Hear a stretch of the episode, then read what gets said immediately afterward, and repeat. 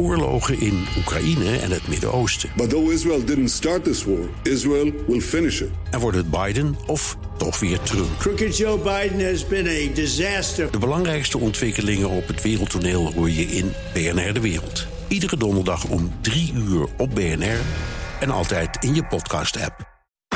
BNR Bouwmeesters wordt mede mogelijk gemaakt door Bouwend Nederland. De bouw maakt het. BNR Nieuwsradio. Bouwmeesters. Paul Lasseur. Grote bouwbedrijven flirten met de productie van huizen die bijna kant-en-klaar de fabriek uitrollen. Modulair bouwen kan namelijk een deel van het woningtekort oplossen. Maar waarom maken we er dan nog niet massaal gebruik van? En modulair bouwen kan ook sommige maatschappelijke vraagstukken oplossen. Denk maar aan de huisvesting voor arbeidsmigranten, maar ook aan de bouw van een modulair pandemieziekenhuis. Daar ga ik het over hebben met Vincent Gruis, hoogleraar woningbeheer aan de TU Delft. En Harry van Zandwijk, directeur van bouwbedrijf Jan Snel, mede-initiatiefnemer van het Pandemieziekenhuis, waar we het nog uitgebreid over gaan hebben zometeen. Welkom allebei. Dankjewel. Uh, eerst uh, de, de actualiteit. Dan moet ik het toch hebben over de stikstofbeperkingen... die nog altijd uh, ja, de bouwsector in een wurggreep houden. Vooral de aanleg van infra. Grote woningbouwprojecten hebben daar last van. Met vandaag in het Financiële Dagblad een noodkreet van... ja, ik zal ze maar noemen het supertrio van de bouwsector. Hè. Bernard Wientjes, Maxime Verhagen en Doekle Terpstra... die waarschuwen voor massa-ontslagen... als die stikstofbeperkingen niet vroeg of laat worden opgeheven. Ja, en dan eerst maar de vraag... Ja, wat, wat kan modulair bouwen betekenen in die stikstofcrisis? Uh, nou, vraag ik eerst maar aan uh, Van Zandwijk. Ja, nou, modulair bouwen kan niet, uh, niets doen aan de infra. Wij doen geen infra, maar we doen wel modulair bouwen. Als je kijkt naar de stikstofregels die zijn in Nederland dan kunnen wij uh, de, zeg maar de, de, de punten halen om uh, zonder het stikstof, het is zeker ook bij de Natura 2000 uh, gebieden, zonder de stikstofproblematiek onze modulaire huisvesting neerzetten. Moet je denken aan de minder busjes, mm -hmm. elektrische heftrucks, elektrische kranen. Dus daar bouwen wij eigenlijk modulair maar, mee op. Maar ook een huis wat uit de fabriek komt, zal toch ook getransporteerd moeten worden? Is ook getransporteerd. Wij zijn nu bezig om elektrische vrachtwagens en zelfs een, een vrachtwagen op, winter, op uh, waterstof uh, aan te schaffen. Om te zorgen dat wij onder die uh, stikstofprocenten komen. Oké, okay, dat is interessant. En ja. meneer Gruis, hoe, hoe, kijkt u tegen die, tegen die waarschuwing aan? Ja, goedemiddag. Ja, nou ja, we moeten natuurlijk rekening houden met het milieu. Dat is uh, simpel. Maar ik denk uh, op, op je vraag van uh, kan modulair en vooral ook industrieel bouwen daar een, een oplossing voor zijn, dan ben ik het geheel eens met wat Harry van Zandwijk zegt. Ja. Als je minder uitstoot op de bouwplaats zelf hebt, ja, dan kun je daar toch meer mogelijkheden mee creëren om de bouw voor te zetten. Ja. En als je dan kijkt naar de, naar de woningbouw, hè, waarvoor het dan iets, iets minder knellend is dan voor, voor die grote infraprojecten. Ja. Uh, ABN Amro Bank heeft ook een, een rapport uh, geschreven over de woningbouw en de woningtekorten. En, die, en daar denken ze dat de modulaire bouw 40% van het woningtekort kan, kan oplossen. En het is circulair en minder vervuilend. Hadden we het net over ja. dan de traditionele bouw. Waarom, uh, meneer Gruis, zijn we dan nog niet massaal modulair aan het bijbouwen? Ja, dat is een vraag die wordt uh, veel gesteld. Uh, en met alle voordelen die het potentieel heeft, uh, ja, dan loop je toch aan tegen de padafhankelijkheid in de, in de bouwsector. En dat geldt zowel aan de kant van de bouwondernemers als aan de kant van de opdrachtgevers. Ja, die, die, die bewandelen maar de, de fazante paden die ze altijd hebben bewandeld? Ja, en, en dat is deels natuurlijk ook wel begrijpelijk. Hè? Als je al heel veel geïnvesteerd hebt in bepaalde bouwmethoden. en daar ook een materieel voor hebt, daar je mensen voor hebt opgeleid. ja, dan kan je niet van de een op de andere dag overstappen op een andere manier van bouwen. En dat zie je ook bij opdrachtgevers voor een deel terug. Die hebben hun bedrijfsprocessen ook ingericht op uh, nou ja, toch meer de traditionele bouw. En er is wel veel interesse, uh, vandaar ook mede dit onderwerp op dit radioprogramma. Maar ja, die omschakeling die is niet van de een op de andere dag gemaakt.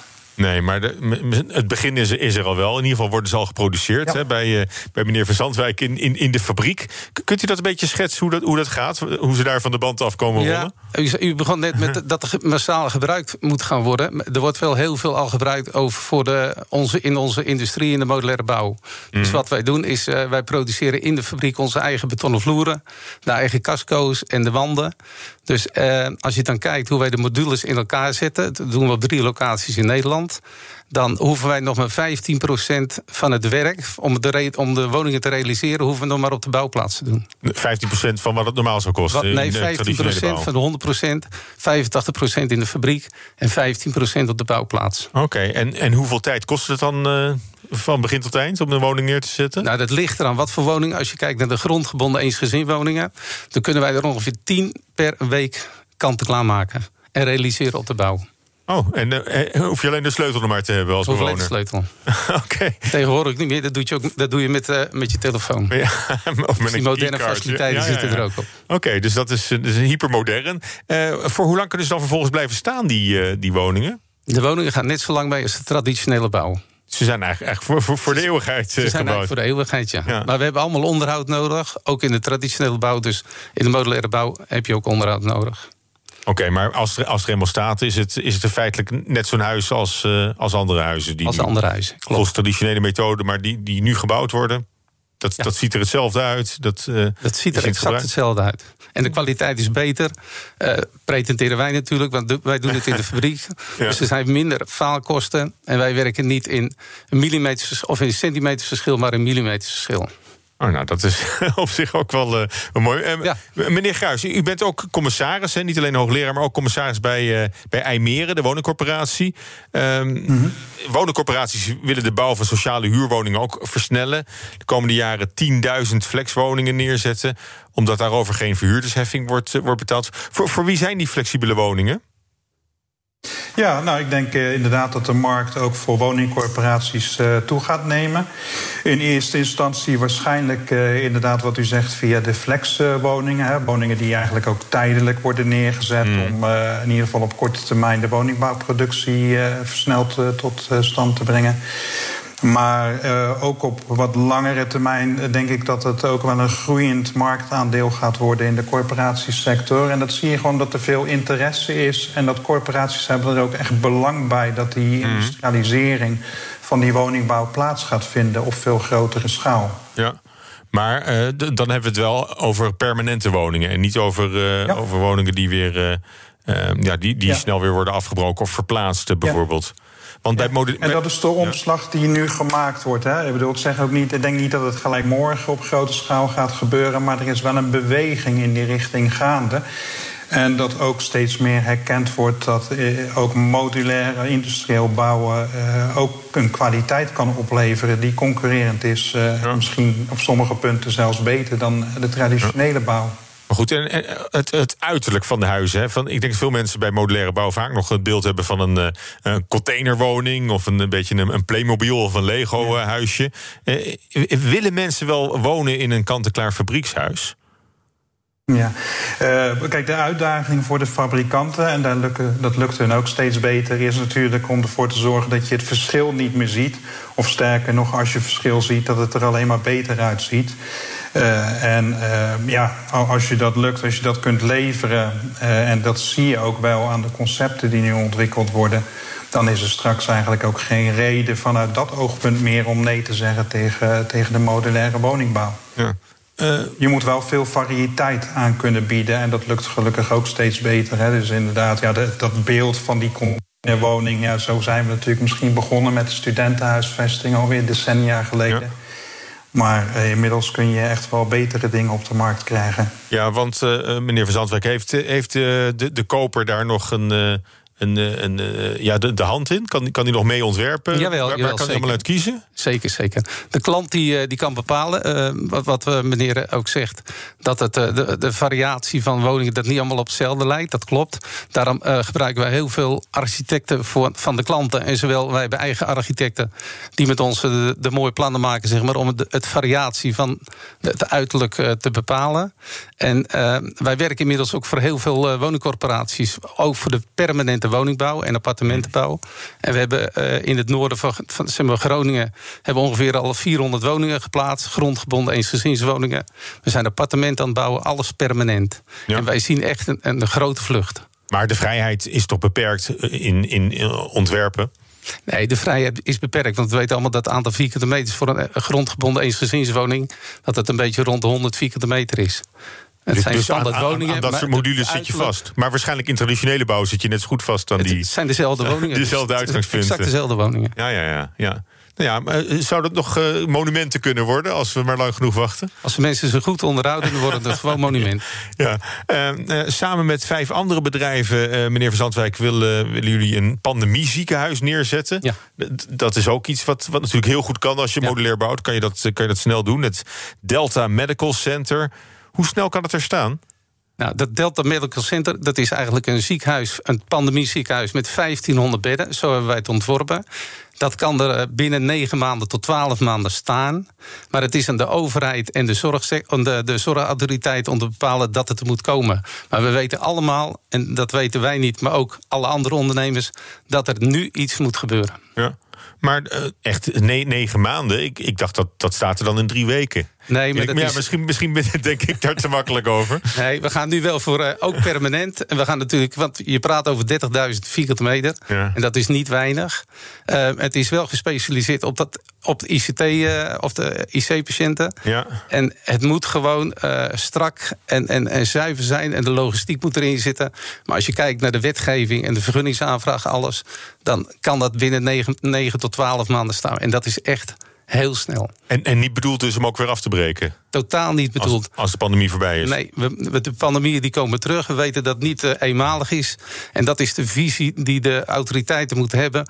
We moeten niet naar de acute probleemoplossingen eh, naartoe werken... maar we moeten naar een, een visie hebben dat we een permanent pandemieziekenhuis Mhm. gaan creëren. En ik neem aan dat de gesprekken met de politiek hierover al eh, uitgebreid plaatsvinden. Ja, we hebben gesprek gehad met, eh, met zeg maar Tweede Kamerleden. We hebben gesprek gehad met eh, bijvoorbeeld meneer Kuipers.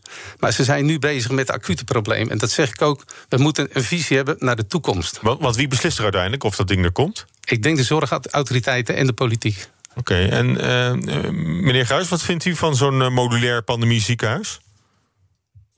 Ja, als je daarmee sneller extra eh, ruimte voor, eh, voor het verzorgen van mensen kunt eh, realiseren dan dat anders zou kunnen, is dat gewoon een hele goede ontwikkeling voor iedereen. Zo simpel is het dan. Ja, ja want bij, bij Jan, met Jan Snel hebben jullie ook modulaire operatiekamers eh, gebouwd. En ook het noodhospitaal in, in Ahoy, waar uiteindelijk Ahoy. niemand heeft gelegen. Nee. Dat, dat, is- dat is dan wel weer jammer, maar, eh, maar, maar dat, was, dat ging een stuk sneller. Ja, dat ging snel omdat het echt tijdelijk is. Hmm. Dus dan pak je alle noodmaatregelen om, om dit in orde te maken. Maar voor dit ziekenhuis, eh, dat, daar gaat eh, een flinke investering aan vooraf... en je moet het ook in stand houden. Hmm. Dus wat wij moeten creëren voor heel Nederland... is dat er een ziekenhuis moet komen... die blijvend alleen maar voor de pandemie is. Ja, ja. Calamiteiten en de pandemie. Ja, ja. En, en die noodoplossingen hier, dus zoals in Ahoy, hoe, hoe pakken jullie dat dan aan? Ja, dan, dan gaan wij eh, 's smiddags zitten... en dan twee uur later is het plan op tafel. Beetje een militaire operatie. Het is een militaire operatie, ja. Ja. Maar eigenlijk als je kijkt hoe wij bouwen... is dat allemaal een militaire operatie. Ja. In de fabriek ook.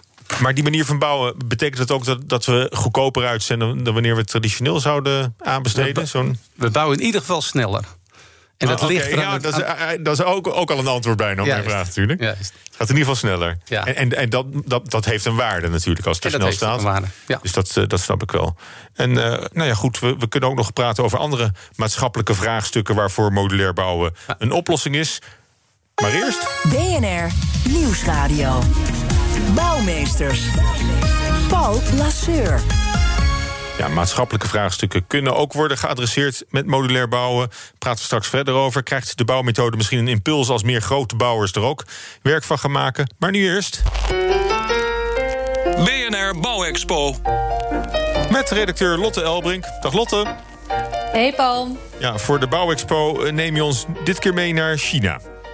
Ja, want in de Chinese stad Chengdu daar staat een eh, gebouw met de naam de Loop of Wisdom. Eh, Het ziet er heel bijzonder uit. Je kunt het je een beetje voorstellen als een heel groot rood doorlopend lint.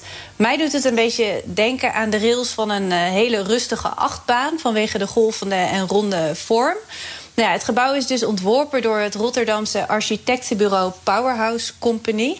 En het is met geavanceerde technologie in een jaar tijd eh, gebouwd. De opdrachtgever is een Chinese vastgoedspeler en chipfabrikant. Eh Unihiku, als ik het goed uitspreek. Eh, dit gebouw is hun ontvangcentrum en tegelijkertijd een technologiemuseum. Oh, dat moet het ook een beetje uitstralen. Het ziet er niet alleen indrukwekkend uit, maar het heeft ook een openbare functie. Ja, op het dak kunnen mensen uh, wandelen of hardlopen en uh, van het uitzicht genieten. Het wandelpad is uh, 698 meter lang en op sommige plekken wel 25 meter hoog. Uh, het oppervlak is gemaakt van rubber asfalt. Dat is hetzelfde materiaal als ze voor uh, atletiekbanen gebruiken. En verder bestaat het dak uit meer dan uh, 15.000 aluminium panelen... die samen een soort reptielachtige huid moeten vormen. En s'nachts wordt het gebouw helemaal verlicht met ledlampen... en ziet het eruit als een soort sculptuur. En alle functionaliteiten, zoals de dakgoten of de balustrades... die zijn heel handig weggewerkt. Ja, en wat heeft de ontwerper uh, willen zeggen met dit, uh, met dit gebouw? Nou ja, de golvende vorm is uh, geïnspireerd op de bergen rondom Chengdu. het pad volgt als het ware het, het heuvellandschap. En de, de Möbius-achtige vorm is een verwijzing naar de menselijke vindingrijkheid... en naar de high-tech achtergrond van de opdrachtgever. Ja, en eigenlijk zou dit dus een, een tijdelijk concept zijn... maar het, het blijft toch maar permanent staan, hè? Ja, omdat de opdrachtgever zo uh, onder de indruk is, mag het blijven staan. En het krijgt wel een, een tweede leven. Er komt een uh, bibliotheek, een sportcentrum en er wordt een school gebouwd. En er komt een uh, Olympische atletiekbaan op het dak. Dankjewel Lotte. Tot de volgende Bouwexpo. Bouwmeesters. Ja, waarin ik verder praat over modulair bouwen. Welke invloed het heeft op de controle die we hebben over onze bouwprocessen. En over de, uh, ja, de, de, maatschappelijke impact die het uh, kan hebben. En dat hoor je van Vincent Gruis. Hij is hoogleraar woningbeheer aan de TU Delft. En Harry van Zandwijk, directeur van bouwbedrijf Jan Snel. Ja, en we eindigden net met de maatschappelijke vraagstukken waarvoor modulair bouwen nog een antwoord zou kunnen zijn. meneer Gruis, waar moet je dan aan denken? Ja, een van de dingen waar je aan kunt denken is uh, dat we naast uh, ook meer willen bouwen, sneller willen bouwen, dat we ook zogenaamd circulair willen bouwen. Dat is natuurlijk ook een onderwerp uh, wat in uw programma regelmatig terugkomt. Mm. En juist dat modulaire bouwen biedt daar veel kansen voor. Omdat je vaak toch de modules die zijn zo opgebouwd dat je ze vaak ook weer makkelijk uit elkaar kunt halen. Maar ook letterlijk gewoon die modules gewoon kunt verplaatsen van de ene naar de andere plek. We hadden het voor de pauze over het ziekenhuis bijvoorbeeld, waarvan het bedoeld is dat het heel lang blijft staan. Maar ja, je hoopt toch bijna dat we geen pandemie ziekenhuizen nodig hebben meer over een paar jaar. Mm. Dus dan zou je die modules ook heel makkelijk weer weg kunnen halen. En bijvoorbeeld gebruiken om woningbouw tot stand te brengen. Ja. En je zou ook binnenstedelijk misschien makkelijker kunnen bouwen dan, dan nu. Hè? Je hoeft niet, niet zo'n enorme ja. bouwput te hebben. Ja, ik, ik kijk nee, even naar, naar, naar Verzandwijk. Ja. Dus, dus daar is ook een uitkomst voor. Nee, binnenstedelijk is het natuurlijk ideaal te doen. Met modules aankomen. En als het overdag niet lukt, dan doen we dat s'avonds. En dan hebben we een kraan nodig. En dan gaan wij stapelen en schakelen. En dan is alles, alle bouwkranen zijn weg. En dan hoeft alleen ter plekke nog via een stijger of zo hoeft af te bouwen. Maar dat zijn kleine uh, dingetjes. Ja, ja, stapelen en schakelen. Ja. dat, uh, dat klinkt al lekker. Uh, ja, lekker dat doen we eigenlijk slim, slimmer, sneller en schoner ah, okay. bouwen. Ja, ja. Dus dat is het item. Ja. En er, er zijn steeds meer grote bouwbedrijven die nu werk maken van modulair bouwen. Van Wijnen bijvoorbeeld. Die willen een grote huizenfabriek neerzetten in, in Heerenveen. Wat betekent het voor de industriële bouw als, als meer grote bouwers hiermee aan de slag gaan. Uh, voor, jullie misschien een concurrentie, uh, van? Ja, dat is een concurrentie. Maar wij kijken dan altijd van... Uh, als traditionele bouwers iets beginnen wat, wij doen... dan proberen wij die voorsprong weer te vergroten. Dan gaan wij weer andere manieren denken... Van om het nog eigenlijk sneller en beter te doen. Dus wij moeten als modulaire bouwer en circulaire bouwer... moeten wij voorop blijven lopen. Ja, oppassen dat je niet wordt ingehaald. Dus ja, dat je die voorsprong niet ingehaald. Maar dat is... Je hebt 2D maar, maar daar ben je niet bang voor. Nee, dat zijn juist de uitdagingen. Dat houdt je scherp in het bedrijf. Want uh, meneer Gruis, denk je dat er niet meer bouwers zullen volgen op korte termijn? Ja, zeker. Uh, er zijn er ook al een aantal actief en je ziet ook veel conceptontwikkeling op dit terrein. Maar ik zou in deze fase misschien ook niet te bang zijn om het uh, als concurrenten te zien, maar veel meer als een versterking van dat de markt echt gaat groeien op dit terrein. He, dus als uh, andere partijen dit ook gaan doen, die kunnen er dan aan bijdragen dat het gewoon veel meer mainstream wordt. Ja, ja en de, de koek is groot genoeg.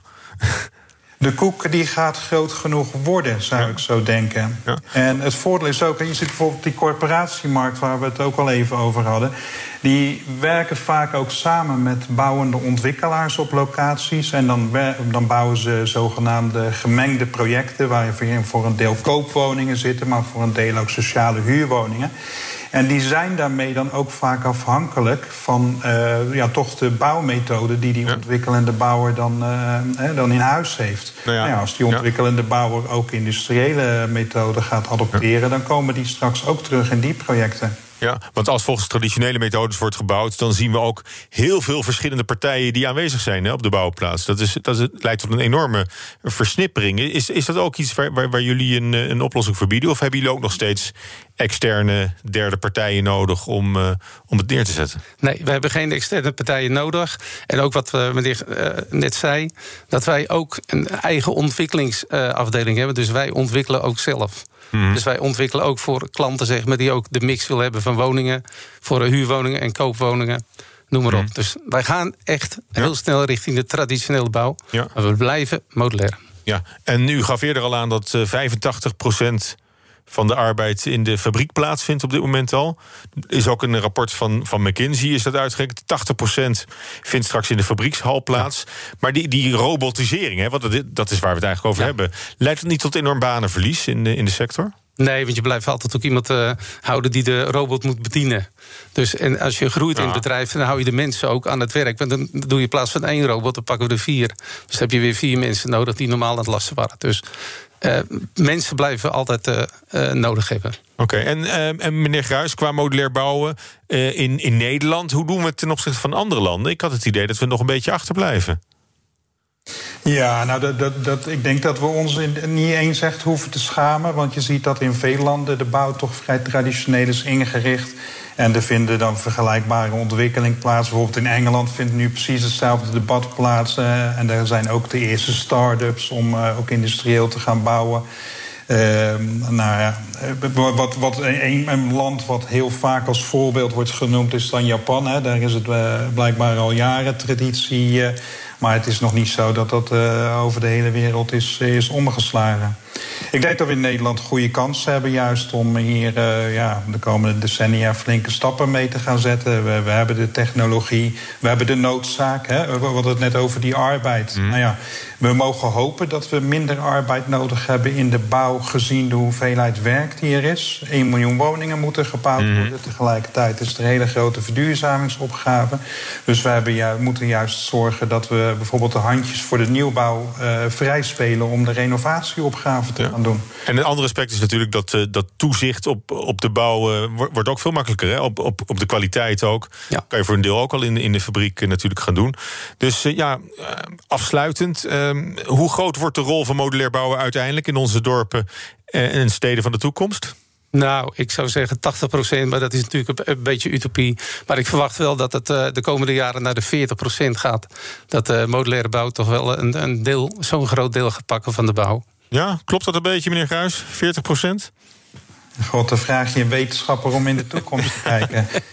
Uh, ik, ik, denk dat het daar wel naartoe zal gaan. Uh, maar de bouw is ook weer barstig. Uh, vastgoed is geduldig. Dus we gaan daar langzaam naartoe groeien. We gaan er langzaam naartoe groeien. Voorspelling. Ik, ehm, ik wil u eh, hartelijk danken voor, ja. voor uw bijdrage aan, aan deze uitzending. Tot zover BNR Bouwmeesters. Tips en verhalen kunnen naar bouwmeesters.bnr.nl of via de social media kanalen. Deze uitzending is terug te luisteren als podcast via de BNR-app en bnr.nl. Tot volgende week. BNR Bouwmeesters wordt mede mogelijk gemaakt door Bouwend Nederland. De bouw maakt ook Diana Matroos vind je in de BNR-app. Ja, inderdaad. Je kunt live naar mij luisteren tijdens de Big Five. Ook handig in de BNR-app. Breaking nieuwsmeldingen, maar ook het allerlaatste zakelijke nieuws. En je vindt in de app alle BNR-podcasts, waaronder Wetenschap Vandaag. Download nu de gratis BNR-app en blijf scherp.